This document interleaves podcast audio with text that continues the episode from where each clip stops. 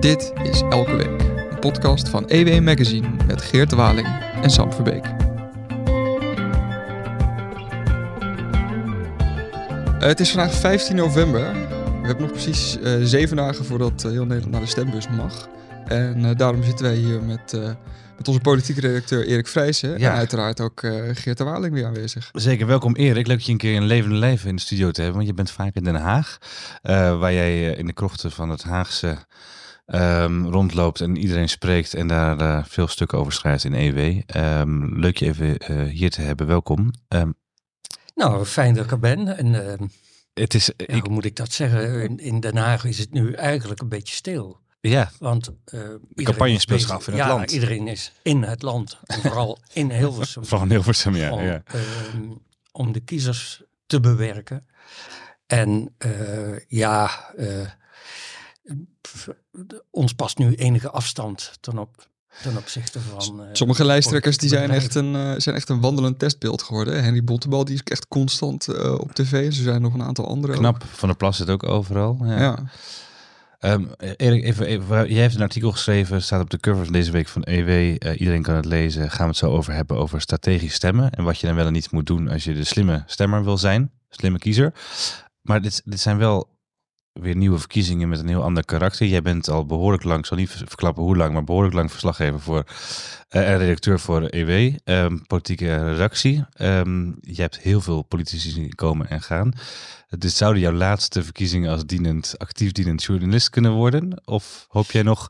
Nee, Nee, ik denk het niet. Want eh, wie weet zijn er volgend jaar, eh, als een mo- moeilijke uitslag, en daar ziet het wel een beetje naar uit. Jij rekent er echt op, voor hè? de regeringsvorming wordt dit een moeilijke uitslag. En, ehm, Dat ze volgend jaar naar de stembus moeten. Omdat, eh, en dan zijn vervroegde verkiezingen wel... eh, ja, theoretisch, kijk, de wens is de vader van de gedachte. Want ik vind het altijd hartstikke leuk om, om zo'n verkiezingscampagne te volgen. En maar wat, wat valt je op eh, met jouw ervaring en wat heb je zien veranderen in de loop der tijd? Nou ja, je zei dat ik al voor 30 jaar of zo voor Elsevier werkte. Klopt, 33 jaar. Dat wil ik niet En verklappen. daarvoor was ik politiek redacteur van de VNU-dagbladen.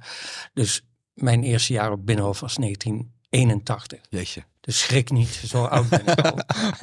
en, eh, maar ja, Een schat aan ervaring zeggen we dan. Ja. nou, weet je, het is toch iedere keer weer anders. En eh, gelukkig in de journalistiek ben je altijd net zo goed als het laatste verhaal wat je geschreven hebt.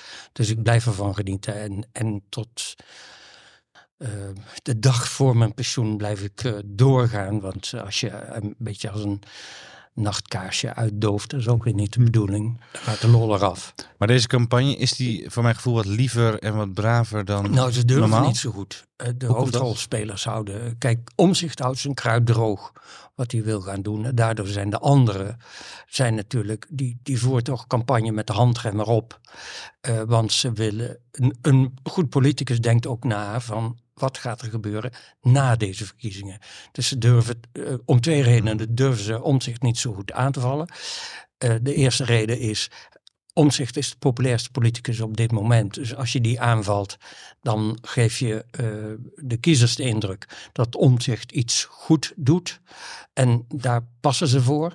Twee, eh, ze denken ook na over hoe. ehm, eh, ja, wat is, wat is op 23 november de situatie? Na volgende week, na de En, verkiezingen. en ja. ze durven niet alle schepen achter zich te verbranden door te zeggen van wij gaan over dit of we gaan over dat. De, de, iedereen denkt altijd game changers, staat ook in mijn stukje van deze week. Eh, vaak is een campagne helemaal niet game changers. Eh, een campagne bestaat bij de, bij de gratie dat er een, een soort ja, trends zich langzaam aftekenen. En in de laatste week voor de, voor de verkiezingen versnellen die trends zich plotseling.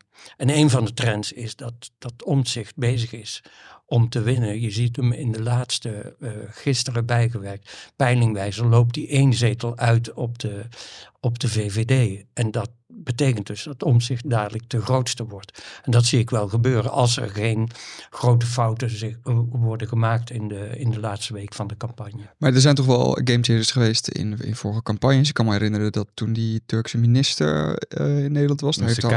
die, had- die had, dat, dat was, de- tenminste daar wordt achteraf werd er altijd van gezegd, van heeft Rutte enorm voor geprofiteerd. Daar heeft hij van geprofiteerd. Ja, maar of Eh, was dat, was dat dan ook gewoon een, eigenlijk een, trend die al- versterkt werd? Ja, toen, die, dat versterkte de trend. Toen lag Rutte al min of meer voorop.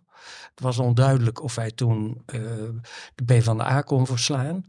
En, eh, maar dankzij die Turkse minister lukte dat. Want toen kreeg toch iedereen, werd richting VVD gestuurd. eh, althans twijfelende kiezers.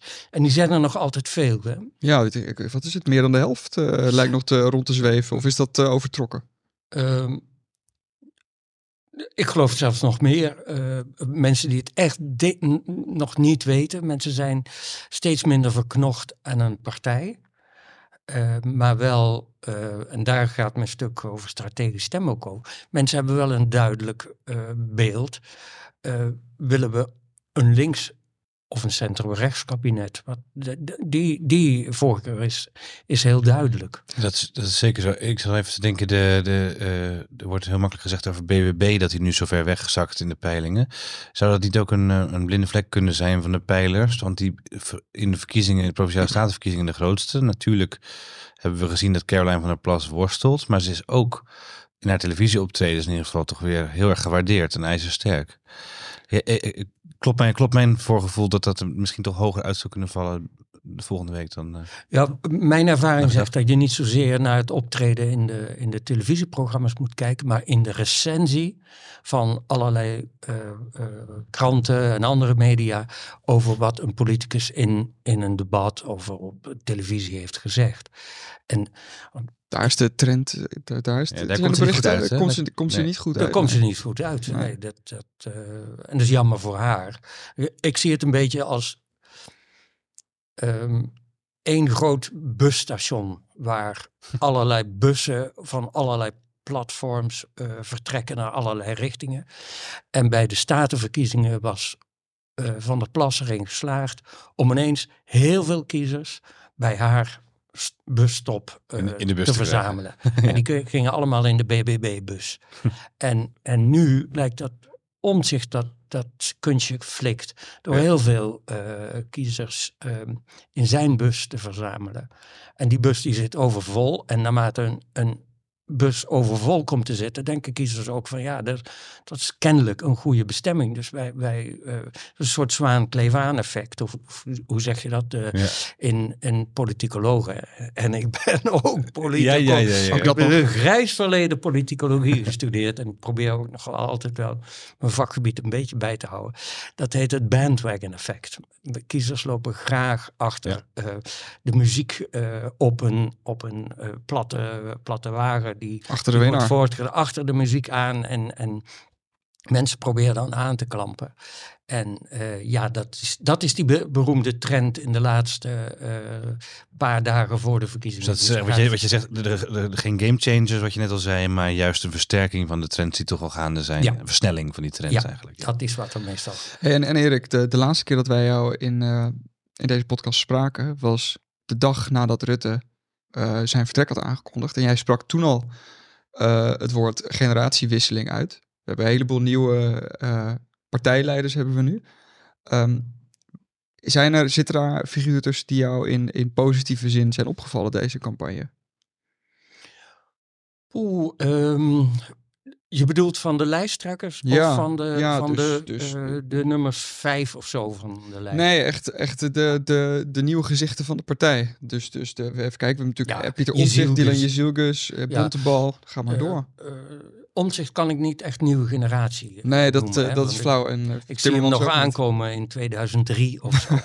Ehm, eh, Timmermans is ook geen nieuwe generatie, maar toch in een nieuwe functie. En Timmermans heeft op deze. hij wilde, denk ik, al twee decennia of zo eh, lijsttrekker en leider van de PvdA worden. En uiteindelijk is het hem gelukt. Eh, hij is nog niet verslagen hoor, eh, maar daar gaan we het dadelijk nog over hebben. Ja. Doen. Ver- verder, Jezilgus. Ja, mij valt toch een beetje op dat ze aan de leiband van haar voorlichters loopt. Ehm, Het is wel heel boodschapvast, hè? Maar misschien is het dat ja, die ze leiband. draait haar riedel af. En, en, maar ze heeft natuurlijk in het begin van de campagne, heeft ze, dat, misschien was dat een gamechanger, heeft ze ineens eh, eh, Wilders eh, gouvernementeel gemaakt. Dus te zeggen van ja, we, we sluiten Wilders niet meer uit. Ze deed het overigens nadat Ruben Brekelmans, nu haar nummer zes, in de Elsevier had gezegd dat...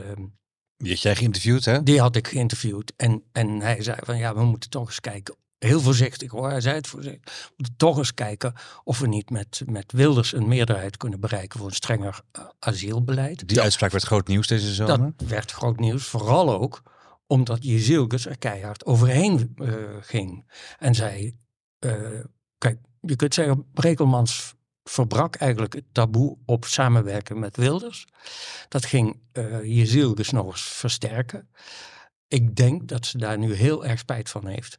Omdat wat zij wilde is de PVV-kiezers richting uh, de VVD trekken. Het omgekeerde is gebeurd. Want je ziet in, de, in het materiaal van de, van de peilingbureaus dat heel veel kiezers van de VVD zeggen: Oké, maar dan kan ik nu op wilde stemmen, want die maakt nu kans op regeringsdeelname. Dus is mijn, mijn stem op Wilders is niet meer een verloren stem op een oppositiepartij. De CDA's die zeggen het over omzicht van uh, als je toch wil, wil stemmen, stem dan op het origineel. En dat is in deze context ook een beetje gebeurd. Hè? Als je gewoon een strenge migratiebeleid wil, dan kan je net zo goed gewoon op de PVV stemmen. Want die gaan gewoon misschien wel Maar dit zou, dit zou dus een misrekening kunnen zijn van Jesselgus. Dat denk ik wel. We zouden je graag een paar vragen aan haar over stellen, maar zij wijst de interview nou, ja, van ons af, hè, geloof ik. Eerlijk gezegd, de, de, ik weet niet hoe zij er precies over dacht, maar de, de voorlichters waren zo boos over dat interview met Brekelmans. Dat, uh, uh, dat zij tegen mij zeiden, de voorlichters. Van de VVD, ja. Van, uh, jij krijgt geen interview met uh, Jezilgus. En dat, dat duurde wekenlang.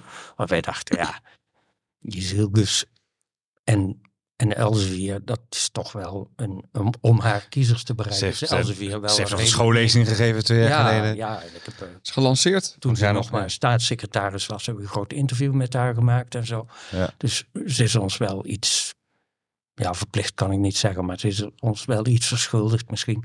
Maar dat wilde ze dus niet. En, en in ieder geval haar voorlichters wilden dit niet. Daar hebben we wekenlang over uh, liggen stoeien. En uh, ja, tot mijn verbazing, ze stond wel in de nieuwe revue, maar niet in de Elsevier. Nou ja, zo so wat, ze moet het zelf weten.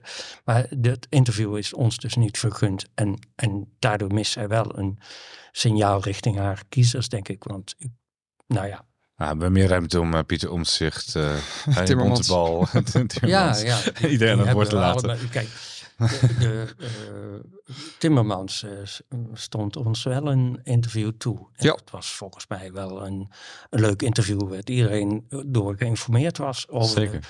En, maar ik, Ik geloof dat, dat Timmermans daar tevre- meer tevreden over kan zijn dan over het interview dat hij vanochtend 15 november in de Telegraaf eh, had.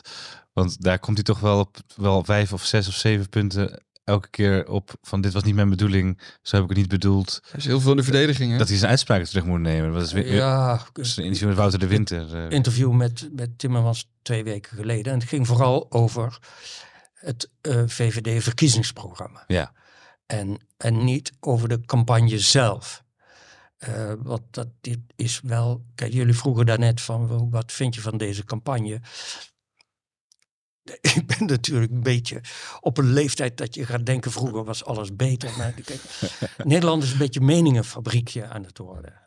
Of is geworden, een meningenfabriek. Ja, Iedereen vindt maar van alles over wat iemand anders dan weer vindt. En zo. En zo. Terwijl mijn interview met Timmermans ging er bijvoorbeeld over. De, de, de werkende. eh, ik zeg maar, jij bent PvdA GroenLinks. En, en de werkende mensen.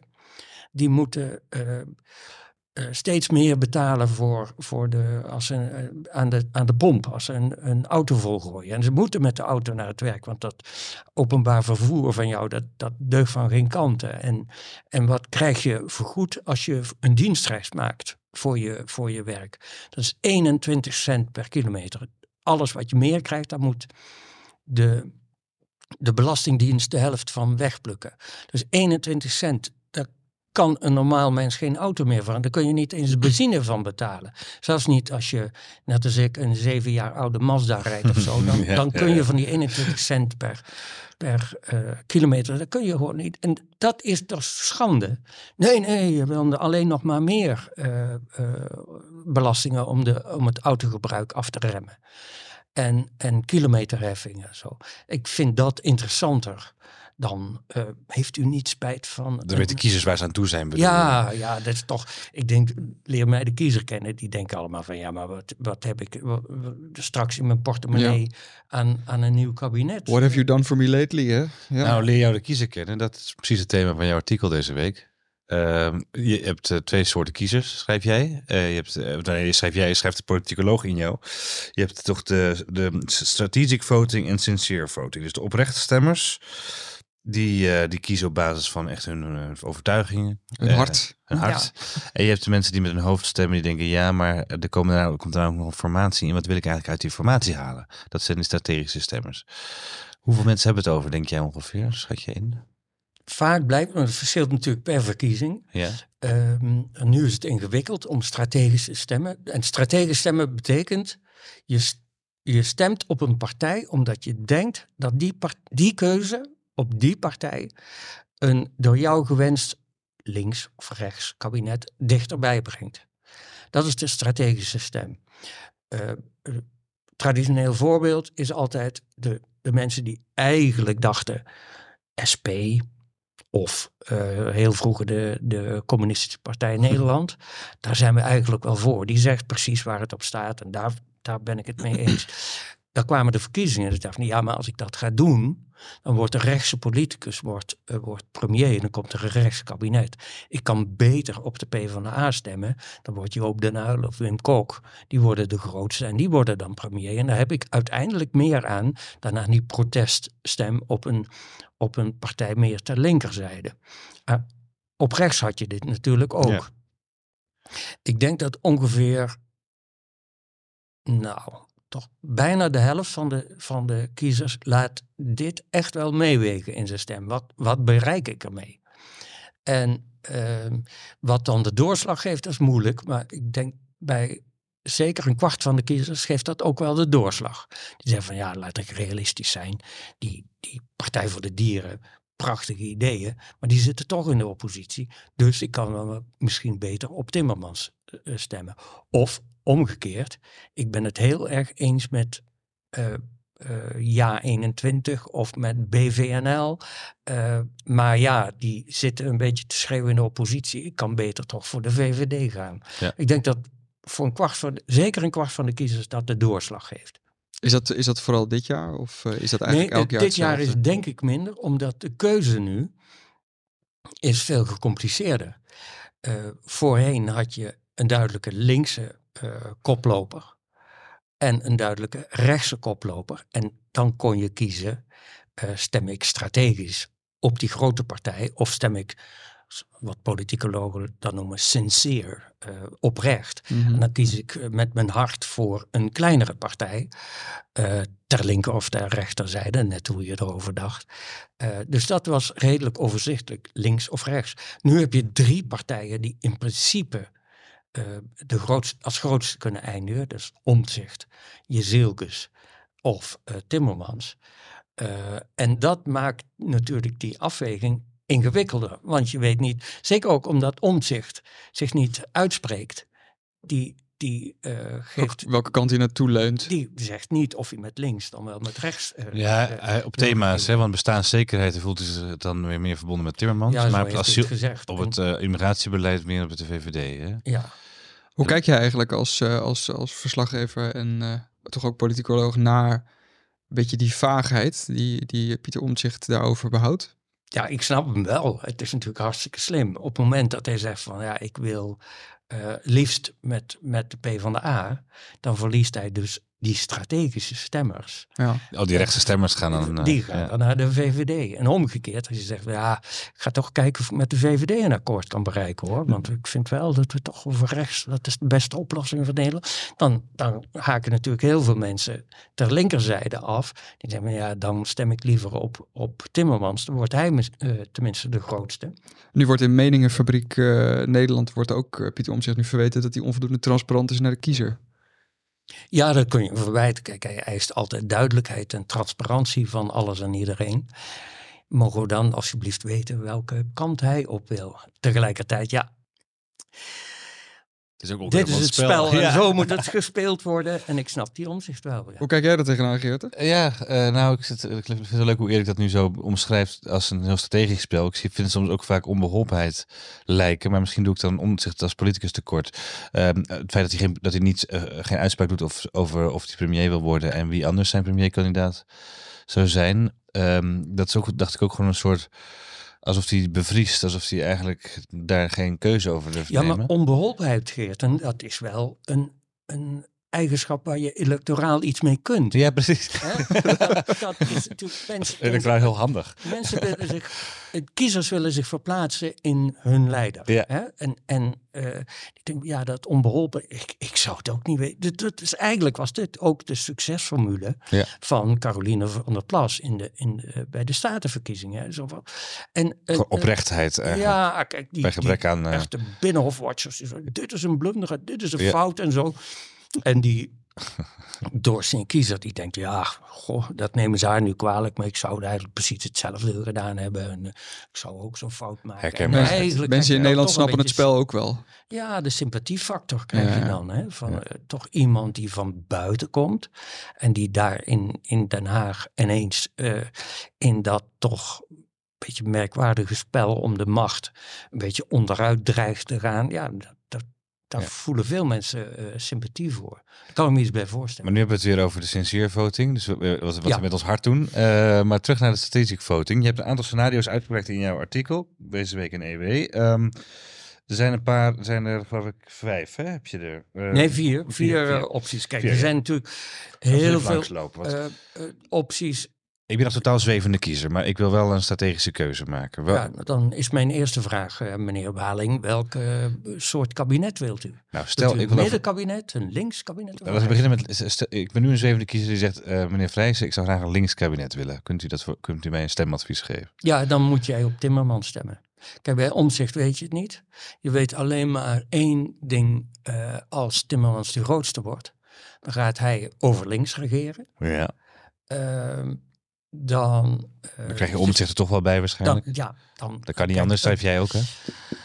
Omzicht zit. eh, omzicht is een ervaren politicus en kent de regels van, het, van de politieke cultuur en van het politieke spel in, in Den Haag. Ja, het land moet wel geregeerd worden. Dus als eh, de grootste partij is eh, GroenLinks PvdA, dus dan moeten we over links. Dus hij zal zich daarbij aansluiten. En dan zijn er natuurlijk nog allerlei eh, moeilijkheden te overwinnen. Hoe, hoe gaan we dat met stikstof doen? Maar met be- bestaanszekerheid, ja, daar, daar kunnen ze elkaar wel in vinden. Hoe gaan Maar wie is ze? Want je hebt nu over Timmermans en omzicht, maar er moeten nog veel meer partijen bij. Ja, als jij eh, over links wil, dan eh, moet je... Kom maar met het lijstje. Ja, eh eh P van de A, GroenLinks, ja. eh, Omzicht, Twee. D66, CDA, SP, ChristenUnie. Die staan in de peilingen nu op 73 zetels. Dus er moeten er dan ook drie bij eh, zien. En met peilingen bedoel ik de peilingwijzer. Dat is een soort ge- Ja. gemiddelde van, de, van een aantal peilingen die worden gehouden. En eh, Zou je CDA nog bij kunnen nemen misschien? eh, die heb ik al mee. Oh, dat je al. Vlotte formatie. En eh, nou ja, maar de, 73 is dus niet genoeg. Dan moet je er nog drie. en Bovendien, ehm, eh, je moet er eigenlijk eh, de BBB bij hebben. Dan zit je boven de, boven de 73. En die hebben in de Eerste Kamer natuurlijk heel veel zetels. Dus Die- dan, want dat, is om te regeren moet je in de Eerste Kamer eh, moet je een meerderheid hebben. En, eh, maar eh, Dat zou wel zwaar zijn voor, eh, voor BBB om... nou, BBB is sociaal-economisch niet zo rechts. Daar zijn ze best wel voor. En eh, Timmermans die heeft natuurlijk laatst gezegd dat hij met een paar jonge boeren heeft gesproken. En dat hij toch voor mij wel... Timmermans heeft zijn eis om die stikstofregels per 2030 uh, in te voeren. Die, heeft, die eis heeft hij laten vallen. Dus dat mag 2035 of zelfs later. Was dat strategisch in het kader van het lijstje dat jij net opnoemde? Ja, dat is wat ik bedoel. Ze, ze, probeer, ze proberen toch hun opties zoveel mogelijk open te houden. En zo weinig schepen achter zich te verbranden. Met het risico dat de mensen aan de GroenLinks-flank van de, van, de, van de fusiepartij, dat die eigenlijk afhaken en naar de Partij voor de Dieren gaan. Ja, dat zie ik wel gebeuren. Of D66. Of D66, ja. klimaat en stikstof veel radicaler natuurlijk dan... Ja, kijk, Timmermans. Um, ik sprak voor mijn stuk ook met politicoloog uh, Martin Rozema van de Universiteit van Twente. Die is uh, gespecialiseerd in zeg maar, de psychologie van de kiezer en ook dat strategisch stemmen. En uh, ik vond het wel interessant hoe hij eigenlijk de, de stokkende opmars van Timmermans verklaarde.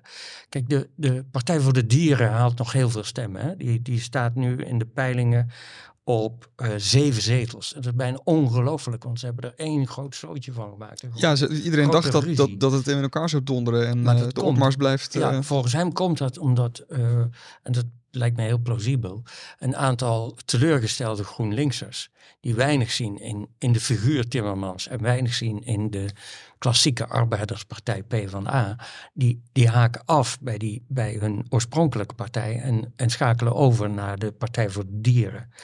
Um, dat lijkt mij heel waarschijnlijk. En bovendien, um, eigenlijk om, om groot te worden uh, voor Timmermans, zou hij heel.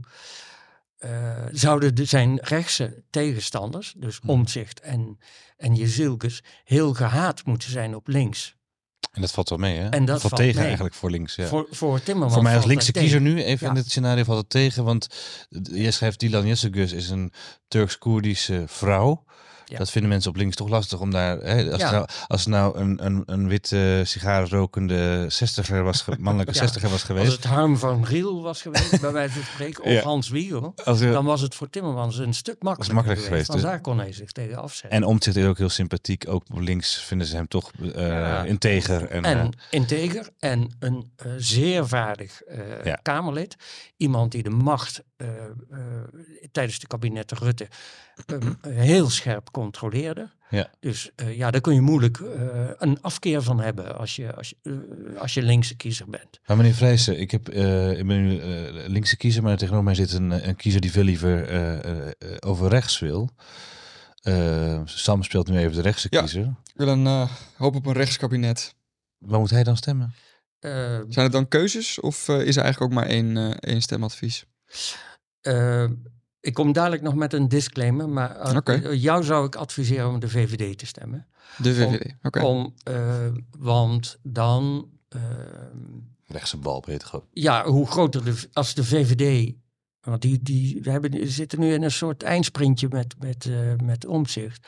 Als de VVD net iets groter wordt dan, uh, dan uh, NSC, de omzichtpartij, dan uh, mag je Zilges aftrappen in de, in de kabinetsformatie. En dan zal zij het liefste over rechts gaan. Ze hebben. Wat betekent over rechts in dit geval? Nou ja, dan moet zij met, met omzicht, want die is mm -hmm. onontbeerlijk voor elke coalitie. En dan en met de BBB, met CDA en de SGP. Dat komt nu op 72 zetels, dus dat is nog vier te weinig. Ja, 21, waarschijnlijk één zetel ja, of twee. Ja, dat kan ook nog. Dat, die staat nu op twee zetels, meen ik. Dus dan kom je op 74 zetels. Dat, dat is hangen en burger. Dat is dan een, uh, een kabinet waar Nederland zijn rechts-Nederlandse vingers bij kan aflikken. Uh, nou ja, uh, de, Rutte 1 werd gepresenteerd. Vergis je niet, CDA gaat dan een beetje links overhellen. Hmm.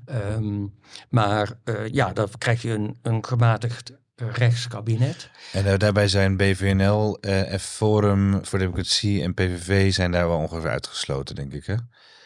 Uh, ja, ja want de CDA sluit de, uh, de PVV uit. En omzicht ook. En omzicht staat ook en voor omzicht Forum en ja. de PVV uit. Ja. BVNL zou eventueel nog kunnen, maar het is een beetje onbekend of die zetels gaan halen. Maar uh, ja. dat zou... Oké, okay, nou goed, dat, dat, dat, dat, heb je ook alweer vijf of zes partijen. En dan zit je ook nog amper aan de meerderheid. De, de makkelijkste oplossing, en dat is tegelijkertijd de disclaimer voor mijn eh, stemadvies aan jullie. Ehm, en daar zijn voorbeelden van. Hè. Kijk, we hebben nu een verkiezingscampagne het gaat in wezen tussen de grote drie. Omzicht van een nieuw sociaal contract, Jezilkes van de VVD en Timmermans Mhm. van GroenLinks PvdA. Ze bestrijden elkaar, maar niet heel heftig. Eh, het is best denkbaar dat ze na de verkiezingen samen gaan klonteren Ja. in één kabinet. En dan krijg je de, Maar eh, meneer Vrijsen, ik ben toch weer teruggezweefd van mijn linkse stem naar meer naar het midden. Ik wil graag een middenkabinet. Radicale Met- centrist Ik geworden. wil graag een middenkabinet met die grote drie. Wat u nu zegt, u heeft me helemaal overtuigd. Ik vind het fantastisch klinken. Ik wil dit. Maar waar moet ik dan op stemmen? Als ik de grote drie samen in een, in een middenkabinet wil hebben? Eigenlijk moet je dan omzicht stemmen. Dan wordt die zo groot, eh, zonder... Dat er over, over links en over rechts niks mogelijk ja, is. Ja, ja. Dat is de beste. eh, dat is mijn, mijn strategisch advies aan, eh, aan jou. En laten we zeggen, iedereen denkt van ja, maar dat kan niet, want dan hebben we geen oppositie meer. Maar dan, dan Een soort nieuw Nou. paars lijkt het wel dan. Hè? ja, dat kan. Dat hebben we. eh, Maar dan gaat de oppositie, oppositie gaat over naar de flanken, inderdaad. Het is voor, een, eh, voor de stabiliteit van een kabinet is het wel eh, riskant. Omdat, eh, kijk, de, de traditionele theorie van, van coalitievorming is, je moet wel elkaars buren zijn, inhoudelijk gesproken. Ja. En als je dus oppositiepartijen hebt die er tussenin zitten, bijvoorbeeld D66, beho- bijvoorbeeld CDA, bijvoorbeeld BBB, die kunnen dan eh, vanuit de oppositie ehm, een wicht die, partij, ja. die partijen een beetje tegen elkaar eh, uitspelen. En kiezers reageren dan op en die zeggen ja, van elkaar meugen ze niet, bij elkaar deugen ze niet. dat is de oude cliché. En dan, en dan krijg je dus dat die oppositiepartijen gaan, gaan eh, op, eh, opleven Ja. in, de, in de peilingen. En dan, ja, dan is meestal zo'n kabinet ook niet zo stabiel. Aan de andere kant, Rutte met de, met de PvdA, die heeft de, de rit wel uitgezeten. Ja. En dat waren ook... eh, eh, Rutte 2. Ja, dat waren ook de, de elkaar aardsvijanden in de campagne. Ik kort tot slot nog, eh, Erik. Eh, ik zie dat Sam eigenlijk echt van heel erg ver naar rechts is opgeschoven. Die wil eigenlijk gewoon een kabinet zo rechts mogelijk. Is er dan nog iets mogelijk? Guur rechts. Guur rechts. Ik zie het- ik zie, het in zijn Nou. ogen. Ehm, Nou ja, je, hebt, je, hebt, je hebt ook nog een scenario, Dylan over rechts, gedelgd door Ja, NSC. Hè? Dat Wat- is die vierde variant. Kijk, als, als nou echt het land niet, eh, als ze niet tot een akkoord komen in de kabinetsformatie. En Jezilgus komt terug op haar, eh, op haar optie om met de PVV te regeren. Dan kun je nog een kabinet bedenken eh, van VVD en PVV ja 21 erbij. Dat is, eh, staat nu op 47 zetels. Dus BBB dat- dat haalt eventueel. een- ja, BBB, dan komt je, nou, dan kom je op 54. En als je dan gedoogsteun hebt van, van eh, omzicht, dan heb je een meerderheid. Ehm, ik denk niet dat, dat omzicht heeft dat op zich uitgesloten gedoogsteun. Dus ik weet niet of die, die variant nog mogelijk is. Maar ja, na 23 november, dan zijn al die keiharde eh, uitsluitingen en zo ook weer een beetje, die, En- die en- staan toch weer in nieuw licht. Dus het zou kunnen. En andersom, eh, een, een kabinet met gedoogsteun van de PVV, waar de PVV niet zelf in zit, zou dat voor omzicht nog een optie zijn? Nou, ik denk dat, Dat is Omtzigt lastig, hè? da- daar niet op terug kan komen. Hij heeft dat zo duidelijk gezegd dat, dat hij niet met, Ja. zelfs niet met gedoogsteun Nee, precies. van de, van de Dus wat is dan het laatste stemadvies voor de guurrechtse Sam? Eh, als je echt het meest rechtse variant zou willen waar de PVV ook in het kabinet zit, ehm, dan moet je denk ik toch willen Nou, stemmen. ik had in, in het stuk staat, en, maar dat is voor de fijnproevers hoor. Als je op de nummer 6 van de VVD stemt, dat is Ruben Brekelmans. Dat is namelijk degene die als eerste die optie heeft genoemd van we moeten toch eens over rechts proberen. Ja, dan kun je een signaal stemmen. Dan, kijk, dan steun je de VVD, dan steun je eigenlijk je Zilgers, maar je geeft wel een duidelijk signaal van ja, maar niet over links, Dylan. Je moet het over rechts proberen. God, dat zou wel interessant zijn. Noem het helemaal verfijnd. Dan moet je nummer 6 van de VVD. Ja. Of, of toch PVV. Nou ja, kijk, strategisch. eh, Veel mensen zitten toch, bijvoorbeeld het staat niet in, in het stuk van, van, eh, eh, van deze week. Maar mensen, eh, ik hoor soms mensen zeggen, ik, ik, ik stem op een vrouw. En dan Hmm. vaak stemmen ze bijvoorbeeld op de nummer twee van, de, van GroenLinks eh P van de A. En dan steun- ja, en dan steun je inderdaad een vrouw. Maar als je, want ik wil meer vrouwen in de politiek. Ja, maar die, die nummer twee, die komt er toch wel in. Ja, Dan moet je, nummer gewoon naar 39 gaan peilingen kijken. De P, P van de A GroenLinks staat nu op 24 zetels.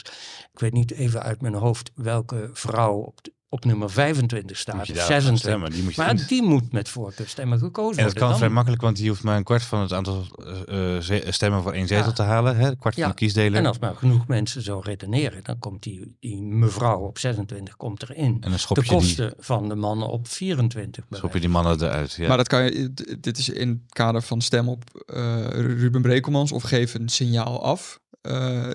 dat het gaat over vrouwen, bedoel je, bedoel je dat zo? Ja, dat is eigenlijk is dat strategisch. Ja, ja. Ehm, ook eh, veel mensen zeggen van ja, maar ik wil zoveel mogelijk eh, Limburgers of ik, ik woon in Friesland en ik wil een Fries daarin.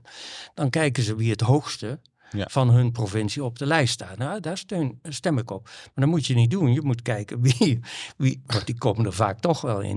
Je moet kijken wie, wie net kiele kiele staat. Ja. Komt hij erin of komt hij er niet in? En die moet je dan steunen als, als provinciegenoot. Kies, eh, kies dokter Vrijsen. Ik heb eh, toch nog een vraag, want ik heb, zeg- ik heb zelf last van Ik ben zelf niet verkiesbaar. Nee, maar ik ben de kiesdokter ben je voor ons. De uitleg, de diagnose stellen. Ehm, eh, ik heb zelf last van een eh, kwaal, namelijk het omgekeerde bandwagon effect. Ik ga liever voor de underdog. Heel veel mensen hebben dat. Oh, toch wel? Ja. Oh, gelukkig. Ik ben niet de enige die leidt, leidt in deze ziekte. Maar ehm, ik, stel, ik, ik ben dus altijd vooral voor de, de, de lijsten die amper in de Tweede Kamer kunnen komen. De, of er net niet inkomen. En dat je toch denkt, van, zou ik die niet toch steunen? Ik, weet- ik weet nog niet waar ik op ga stemmen hoor, zeg ik even eerlijk. Maar ehm, ik, ik, ik heb wel dat gevoel altijd van, die kleintjes moeten er ook zijn. Als je ziet wat Pieter Omtzigt in zijn eentje heeft kunnen bereiken. Maar ook wat Femke Merel van Koten heeft kunnen doen. Of, of eh, Sylvana Simons heeft kunnen doen in de Tweede Kamer. Dat je ook de kleine, de kleine excentriekeling nodig hebt naast de grote machtsblokken in de Tweede Kamer. Hoe, eh, hoe, zie- Ehm, ja, hoe zie jij eh, dat? Nou, eh, eh, 50 plus, dat is hangen en burger. Hè, of die het nog eh Dus, redden. dus daar kun je nog een, Ja. een verschil maken als je daarop Eh, stemt. bij één staat ook in de peiling althans net wel of net niet op één zetel. Eh, BVNL, eh, dat is ook eh krap. Ja. Ik denk, Het zijn wel gezellige groepen.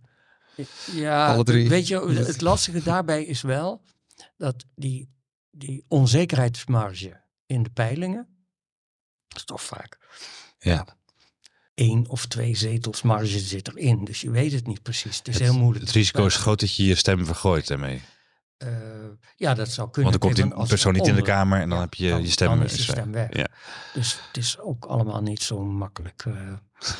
En, en zeker weten doe je het natuurlijk nooit, maar dat is niemand. En, eh, de, kijk, ik geloof wel in eh, de wisdom of crowds. Zeg maar de, de, de grote aantallen. De, de mensen die, die toch. Het grappige is dan dat, dat wat er uitrolt bij zo'n uitslag. Ja, dat is toch zoals de gemiddelde Nederlander erover denkt. En heel veel mensen, bijvoorbeeld in die redenering van moet Sylvana Simons of, Mhm. of moet eh, BVNL erin. Hagen. Veel mensen eh, eh, volgen die redenering dan ineens. Hey, komen ze toch nog met één zeteltje erin. En dat is het underdog effect. Hey, en Erik, ehm, twee laatste vragen voordat we afsluiten. Eh, allereerst, jij bent eh, al erg lang politiek redacteur. Ehm, eerste vraag, stem je zelf? En dan hoef ik niet te, te weten wat je stemt, maar wel of je een strategische stemmer bent. Ja, ik ben wel strategische stemmer. Ik, ik, ik- en ik, ik stem wel, dat vind ik wel. eh, eh, ja, dat hoort er bij. Ja, sommige journalisten die, eh, Ik- die de ik- politiek volgen, die, die trekken daar hun handen vanaf. Ook bij ons in de redactie. Ik, ik vind zelf ook iets voor te zeggen om- niet te stemmen. Aan de andere kant, je bent ook gewoon een burger. En ik, ik Goed burgerschap, hè? ja, ik zou ja, het... eh, dat vind ik wel. Kijk, op, op die.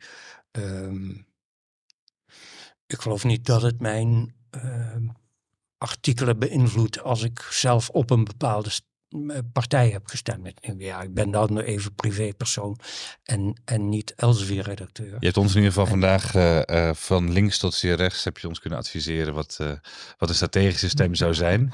Bij deze wil ik de disclaimer uitspreken dat Sam en ik eh, niet de persoon, niet de ideologie aanhangen die wij even voor de vorm in Nee. dit gesprek hebben Wel, aangehangen. eh, wel kan ik voor mezelf dat, dat ik inderdaad ook een strategische stemmer ben.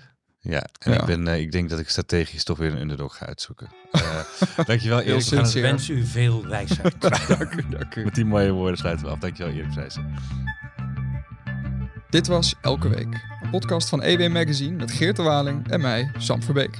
Zoals elke week kan je de besproken artikelen ook vinden in onze show notes. Voor dit een leuke podcast, abonneer je dan en laat een leuke review achter. Heb je vragen of opmerkingen? Geert kan je op Twitter vinden onder Geert de Waling. Ik ben op Twitter te vinden onder SamWV. Je mag me natuurlijk ook mailen naar sam.verbeek.ewmagazine.nl Dank voor het luisteren naar Elke Week. Tot volgende.